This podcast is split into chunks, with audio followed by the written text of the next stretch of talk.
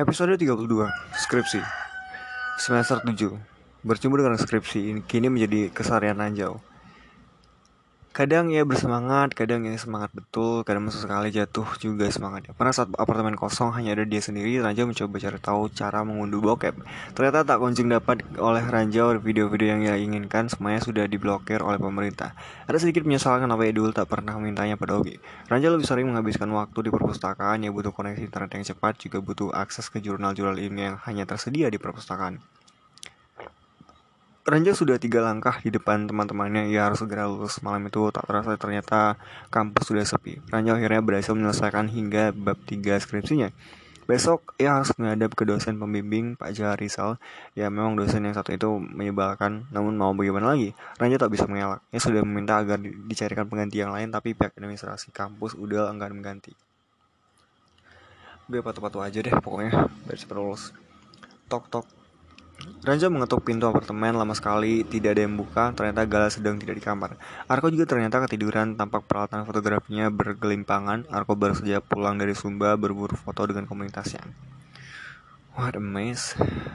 Kalau Ranjau, berantak banget nih kamar. Peralatan foto di mana-mana, ngerusuh aja nih bisanya. Bukain pintu gue lama banget loh. Sorry bro, gue capek banget sampai ketiduran. Arko memelas. Ranjau mandi, mengganti pakaian dan langsung tidur. Ya sengaja tidur cepat agar tengah malam bisa bangun untuk memeriksa dan mengerjakan lagi skripsinya. Mana tahu ada bagian yang kurang. Pintu depan diketuk jam setengah satu malam dan Gala juga baru pulang dari kampus. Ketukan pintunya membangunkan Ranjau. Jangan ditanya lagi semangatnya Gala soal kuliah 11-12 dengan Ranjau. Hanya saja Gala tidak mengincar bisa lulus semester ini. Ia mau datar-datar saja lulus 4 tahun pas. Lagi pula jurusan komunikasi memang banyak mahasiswanya yang bisa lulus 3 setengah tahun. Dia seperti jurusan teknik yang lulus normal 4 tahun saja sudah terhitung hebat. Arko ternyata sudah merapikan kamar Ranjau di kamar yang masih berupaya mengumpulkan nyawa mendengar obrolan Gal dan Arko. Gimana kok Sumba? Terus lo jadi daftar tuh National Geographic. Seru banget gak? Lo harus main ke sana sekali. Sumpah, nggak kayak di Indonesia. Sumpah, Sumba adalah surga banget.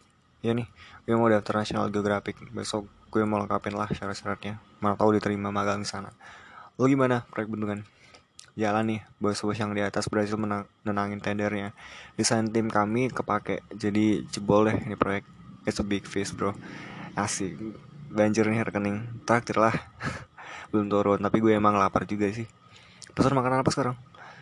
Ranjau bangkit dari kasurnya meremas tangan gigit bibir. Dua temannya di luar sudah membicarakan masa depan masing-masing. Sudah tampak jalan mereka dengan amat jelas Meski kuliah mereka kelihatannya tak sehebat Ranjau. Sementara dirinya yang paling bersemangat mendapat nilai tinggi Yang paling bersemangat untuk lulus cepat-cepat. Justru belum punya bayangan apa-apa setelah ini. Eh, Randi bagian juga nih. Ran, gue mau pesan makanan nih lo mau lo mau nggak tanya tanya gal ya gue bangun mau nyelesain skripsi mau pada pesan apa gue ikut aja deh Ranja pura-pura tak mendengar obrolan Gala dan Arko tadi. Randy bergegas ke kamar mandi membersihkan wajahnya, melihat dirinya sendiri dalam pantulan kaca dan tatapan itu, ia seakan berbicara dengan dirinya sendiri. Mau apa lo habis lulus? Bangin orang tua. Emang udah tahu caranya gimana? Mau kerja apa? Ada nggak mau nerima lo nanti? Aplikasi tinggi tapi kalau nggak punya skill kalau dari kampus bodoh kayak gini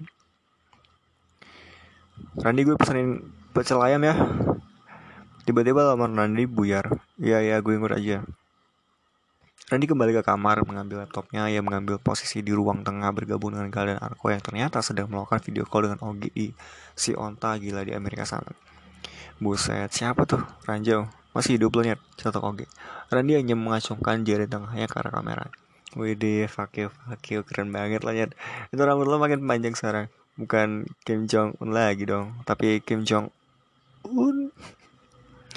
Galen Narko tertawa mendengar cetukan Ogi. Memang hanya Ogi yang berani mengata-katai Randy sedemikian rupa. Apaan lo botak? Waduh, udah mau sarjana masih aja ngatain fisik orang lagi terkekeh. Randy cek saja, ia menyalakan laptop jantungnya tiba-tiba berentak kencang layar laptop yang muncul berwarna biru. Ia coba matikan lagi secara paksa lalu menyalakannya lagi. Tap, sama layar laptop tak berubah. Jauh sana apa kabar? Oh jahat banget, dia masuk penjara lo gak temenin. Wah anjing anjing, laptop gue kenapa nih? Aduh aduh. Ya kini memencet-mencet agak paksa dan aku menatap hampa tidak tahu apa-apa. Wah, gue dianjing-anjingin. Premannya lo sekarang kan jauh. Oh iya followers lo udah banyak belum? Sini gue suntikin followers reward. Lagi makin jadi-jadi. Wah wah nyala dong, nyala dong Wah skripsi gue di dalam sini nih Randi makin keras mencet-mencet Raja lama-lama naik hitam di depannya Galen Arko sedang video call dengan Ogi yang terus mencandainya. Sementara ini laptopnya tak bisa juga menyala-nyala pada besok adalah hari di mana ia harus menyerahkan skripsinya sebab bab 1 hingga bab 3. Prak. Raja memukul keras laptopnya. Gal dan Arko kikuk dengan makanan mereka yang tak jadi disuap. Suasana hening sebentar, Ogi di seberang benua sana mengenyangkan kenyangnya. Kenapa lo nyet? Keraskan Jin dan Jun. Arko berbisik pelan ke telepon. Rusak lagi laptopnya si Randi udah sering hah rusak dengan sengaja orang mencangkan suaranya banting aja banting kasih jual ke tukang loak saja Oke lepas tawanya Eh anjing Lo bisa diem gak? Kalian Arko makin merasa kekok dan agak sedikit gagal ketika Ranjo membentak kencang. Namun sebaliknya Ogi malah makin terkekeh padahal Randi betul-betul marah. Eh anjing mulut lo tuh jaga. Dari dulu masih aja kasar tuh mulut. Coba sini kasih lihat layar laptop lo rasanya kenapa? Apa kalimat yang muncul di layar? Ranja yang tadi yang tadi membuka marah ini justru malu. Ya tampak enggan menunjukkan layarnya. Dih ya. Ya udah kalau nggak mau gue bantuin. Ranjel mahal. Come on dude Kali ini ikut kesal. He's your friend, he's smart guy. I believe he can solve the problem. Gitu dong, ngomong Inggrisnya lancar kayak gala, gak campur-campur. Sebelum situasi makin keruh, Arko mencoba memotong. Cila, mentang-mentang udah di Silicon Valley ini ya. Udah jago sekarang lah ya. Gal mendekatkan layar, layar ponselnya ke laptop Randy. Ogi mencoba membaca apa yang tertera di layar biru itu 3 detik, 4 detik, 5 detik. Ya sudah paham sebenarnya apa yang harus dilakukan agar laptop Randy bisa diperbaiki Tapi Ogi masih ingin mengerjakan Ranjau Hmm, ini ribet nih masalahnya jauh What?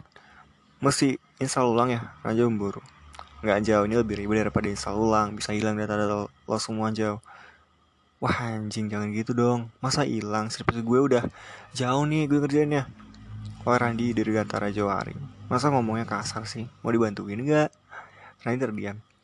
Ini hmm, Coba bentar Lihatin lagi layarnya, layarnya ke gue. Gak melakukan perintah Ogi. Hmm Ini Hmm Gitu oke. Okay. Hmm. Kayaknya masalahnya ada di um, masalahnya di um, di laptopnya nih. Masih dibuang sih jauh. Udah nggak kuat mental atau lo punya majikan kayak lo. Arko dan Gala tergelak lepas kali ini. Lama sekali mereka tertawa. Nasi yang mereka makan sampai muncrat-muncrat. Jadi gini lo coba pencet F12 nah lo coba pilih ini nih. Nah terus tunggu dulu. Akhirnya Ogi menunjukkan cara yang paling benar. Ternyata kesalahan laptop Ranjo adalah gagal mengoperasikan sistem saat hendak tadi dinyalakan. Tapi ini gue nggak bercanda jauh lo masih backup sih itu karena kalau blue screen udah lo timpuk-timpuk gitu laptop lo udah sekarang tuh artinya. Masih beli baru. Tahu ntar kenapa-kenapa lagi. Belum selesai Ogi menjelaskan. Raja sudah bertolak posisinya tanpa ada ucapan terima kasih sedikit pun. Eh anak durhaka dikasih tunjuk gak bilang makasih gue nukle juga lo kayak Jong Ogi lanjut berbincang-bincang tawa dengan Arko dan Galah saling cerita kasih hidup cerita kisah hidup masing-masing sementara Rajo Ambar mengunyah pecel ayamnya. Laptopnya dibilang sudah tua, sudah tidak laku dalam hati ya marah ya harus segera dan punya uang lalu beli laptop baru. Dulu ia yang jauh lebih hebat, lebih pintar dari Ogi. Kini kenapa malah Ogi yang duluan sukses dibanding dia? Ada sedikit penyesalan dalam dada Ranjau kenapa dulu mengajak Ogi kuliah. Ada pula sedikit penyesalan kenapa dulu mau-maunya menyelamatkan Ogi ketika anak bunuh diri. Malam itu, Gal dan Arko langsung tertidur begitu selesai makan. Ranjo tidak. Setelah memulai skripsinya, ia langsung membuat CV untuk melamar kerja kawan. Diam-diam ia ambil kamera Arko, ia pasang baju yang rapi, lalu ia foto dirinya sendiri untuk dimasukkan ke dalam CV. Sebuah CV yang sebenarnya sangat terlihat sederhana, tapi menurut Ranjau itu sudah sangat bagus. Ia dengan bangga menuliskan IPK-nya 3,72 dan juga dengan bangga menuliskan juara satu lomba konsep bisnis di level kampus UDL. Pagi datang, sinar sang fajar merembet di balik jendela. Ranjau bergegas ke kampus menemui Pak Jaharizal. Malang Nian, Anas beranjang. Dua jam ya harus menunggu untuk bimbingan pada sebelumnya sudah buat janji untuk pukul 8. Tapi sang dosen baru menampakkan batang hidung pukul 10. Metodenya apa nih? Gak jelas. Ulang lagi bikin. Cari tema lain. Ini sudah sama dengan senior-senior kamu sebelumnya. Tidak ada yang hal baru. Tidak ada hal yang baru. Makin malang nasib Ranjau Berhari-hari, berminggu-minggu, dan bolak-balik ke ya bimbingan Bolak-balik ya ke perpustakaan Sudah rusak laptopnya Sudah buru-buru ia fotokopi Eh, ternyata bab 1 hingga bab 3-nya ditolak mentah-mentah oleh Pak Jaharizal Sungguh jahat engkau Pak Jaharizal Panaslah lama mu Jaharizal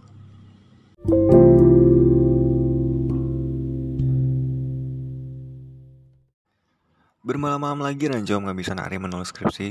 Setelah 2-3 minggu akhirnya bab 1 hingga bab 3-nya dianggap oke oleh Pak Jahrizal. Ranjau makin mengisolasi diri dengan dunia luar dengan pergaulan, dengan obrolan-obrolan ringan. Ia kini hanya berteman dengan skripsi, jurnal, dan SPSS. Sudah seperti zombie ya sempat berpikir kalau gue masuk perguruan tinggi tapi malah menjauhkan gue dari kepekaan terhadap masyarakat. Lalu apa gunanya kuliah? Buru-buru ia buang pikiran itu. Oh iya, Judul yang diangkat adalah analisis dampak intensitas penggunaan media sosial terhadap komunikasi interpersonal. Sebuah tema yang menurut Anjau sangat erat kaitannya dengan manusia zaman sekarang dan juga dengan dirinya sendiri. Banyak menggunakan sosial media, banyak teman di dunia maya, tapi rendah kualitas dalam pergaulan yang sebenarnya. Itu betul yang juga dirasakan oleh dirinya akhir-akhir ini, jadi skripsi dengan tema ini jadi semacam skripsi yang idealis baginya. Raja meminta tolong bantuan Arko untuk menyebarkan kuesioner secara daring lewat media sosial. Arko yang mengikutnya kini sudah hampir 40 ribu orang. Sebentar saja dua jam sudah 500 orang yang mengisi kuesioner deskripsi Raja itu. Makasih ya kok. Akhirnya ia mengucapkan terima kasih. Ranjo kembali bersibuk dengan SPSS dan laptopnya yang sudah like buang kalau kata Ogi. Berhari-hari selesai juga olehnya olah dan analisis data selesai juga akhirnya bab 4 dan 5. Kini ia tinggal mengumpulkan skripsinya dan selesailah sudah. Pak Jarisal menerima skripsi itu, coret sana sini, Ranjo perbaiki beberapa hari, ia serahkan lagi. Coret-coret lagi, perbaiki lagi hingga sempurna tidak ada cacat. Ranjo akhirnya mendapat pengesahan untuk melaksanakan sidang skripsi tepat tiga hari setelah UAS semester 7 sidang skripsi Ranja dilaksanakan tegang sekali ya ketika hendak masuk ruangan sidang berbeda sekali ketika dibanding dulu hendak presentasi lomba konsep bisnis. Padahal hari ini adalah hari yang sudah ia persiapkan selama tiga setengah tahun ranjau. Kini selangkah lagi di depan garis finish, dua jamnya sidang di hadapan tiga orang dosen. Dua dosen yang kerjaannya harus menyudut-nyudutkan dan kadang mereka berdua malah saling bertentangan. Sementara satu lagi dosen yang seakan-akan hanya badannya saja yang ada di ruangan itu. Coba sekarang kamu jelaskan bagaimana hipotesis kamu ini bisa terbentuk. Pakai metode apa? Tanya dosen itu ketika sesi tanya jawab pertama. Padahal sejak awal presentasi, Raja sudah menjelaskannya sedemikian rupa. Harusnya kamu tidak pakai metode A ini, tapi pakai metode B, kata dosen yang lain pula. Loh, sebenarnya tidak ada masalah dengan metode A ini. Hanya saja bagaimana kamu menginterpretasikannya, itu yang menurut saya masih kurang. Tidak terima dikritik secara tidak langsung, para dosen itu malah saling menyindir tapi dengan menggunakan ranjau sebagai medianya. Malah Pak Jarizal, dosen pembimbing yang harusnya membela atau menengahkan ketika ranjau terpojok, hanya diam saja dari tadi. Ya makan gaji buta. Entah tak ada perasaannya ketika mahasiswa dibimbingannya di pojok-pojokan, padahal ini karena ranjau lupa satu hal yaitu membayar uang pelicin ke saku Pak Jarizal. Sebenarnya Ranjau tahu akan uang-uang itu, tapi ia tak mau.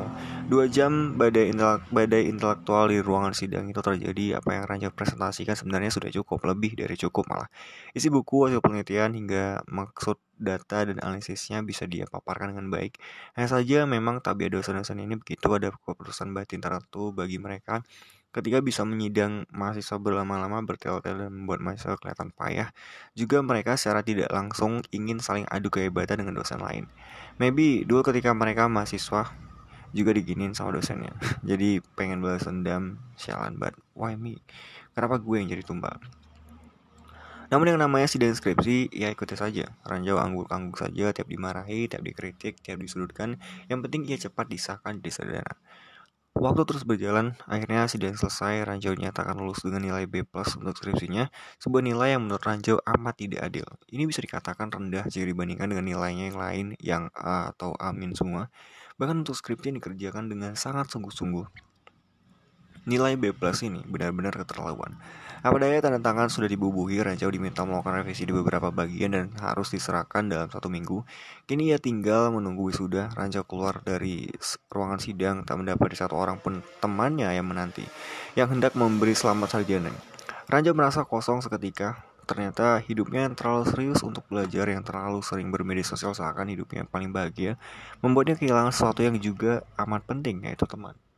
Dulu padahal kalau ingin mencontek PR dan makalah semua teman berdatangan Kini ke mana mereka? Um, maybe because the final exam is over.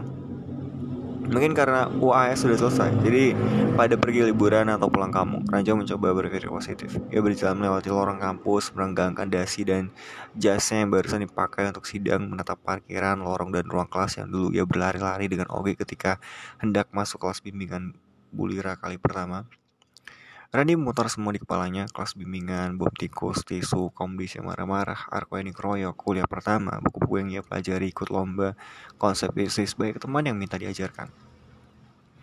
Tiga setengah tahun lewat sudah, kini dua orang tuanya pantas dan boleh berbangga. Ranjau menatap langit, ia tersenyum getir. Waktu berjalan nama cepat, tiga setengah tahun tak terasa, kini ia sudah jadi sarjana kampus Udal. Ranjau berjalan perlahan keluar kampus di tangannya membawa kertas kertas yang harus ia revisi. Ia menendang-nendang kecil batu kerikil. Randi, ranjau. Terdengar sayup-sayup suara memanggilnya. Sebuah mobil mendekat dengan kecepatan cukup tinggi. Mobil itu berhenti mendadak dan keluarlah manusia-manusia yang segera menjadi tangan Arko dengan ucapan selamat. Dengan buket-buket bunga, dengan pelukan persahabatan. Pasti lo ngira kita nggak datang kan? Tanya Arko. ya, ini dia sarjana kita. Congratulations bro. Kalian menyergap dengan pelukan persahabatan. Yisa juga menyerahkan sebuah bunga dan sekotak kecil cake. Dalamnya tertulis Congratulations Randi Dirgantara Jaguari SS Esos lengkap dengan gambar ala-ala mirip wajah ranjau yang dibuat dengan taburan coklat warna-warni. Tiba-tiba bom kebahagiaan meledak di wajah di jiwanya. Ada empat sahabat yang ternyata datang memberikan selamat padanya meski terlambat. Eits, masih ada, sandarku. Tiba-tiba terdengar genjang gitar dari balik mobil gala, mulai terdengar sebuah lirik lagu dinyanyikan itu Sania. Mimpi. Bukanlah mimpi jika tak dikejar itu mimpimu. Cinta bukanlah cinta hadir untuk kita aja lah ya begitu selesai bernyanyi Sania langsung memeluk Randi. Selamat ya. Makasih Om Ben Kini Ranjau sudah tak ingat lagi dengan Ogi. Entah apa yang sedang dilakukan sahabatnya itu jauh di sana. Yang jelas janjinya dulu untuk bisa sukses Untuk menyelesaikan pendidikan tinggi kini tuntas. Ketika janji itu dikerarkan Ada Ogi yang sesama berbagi semangat. Namun kini justru Ogi sudah jauh di sana.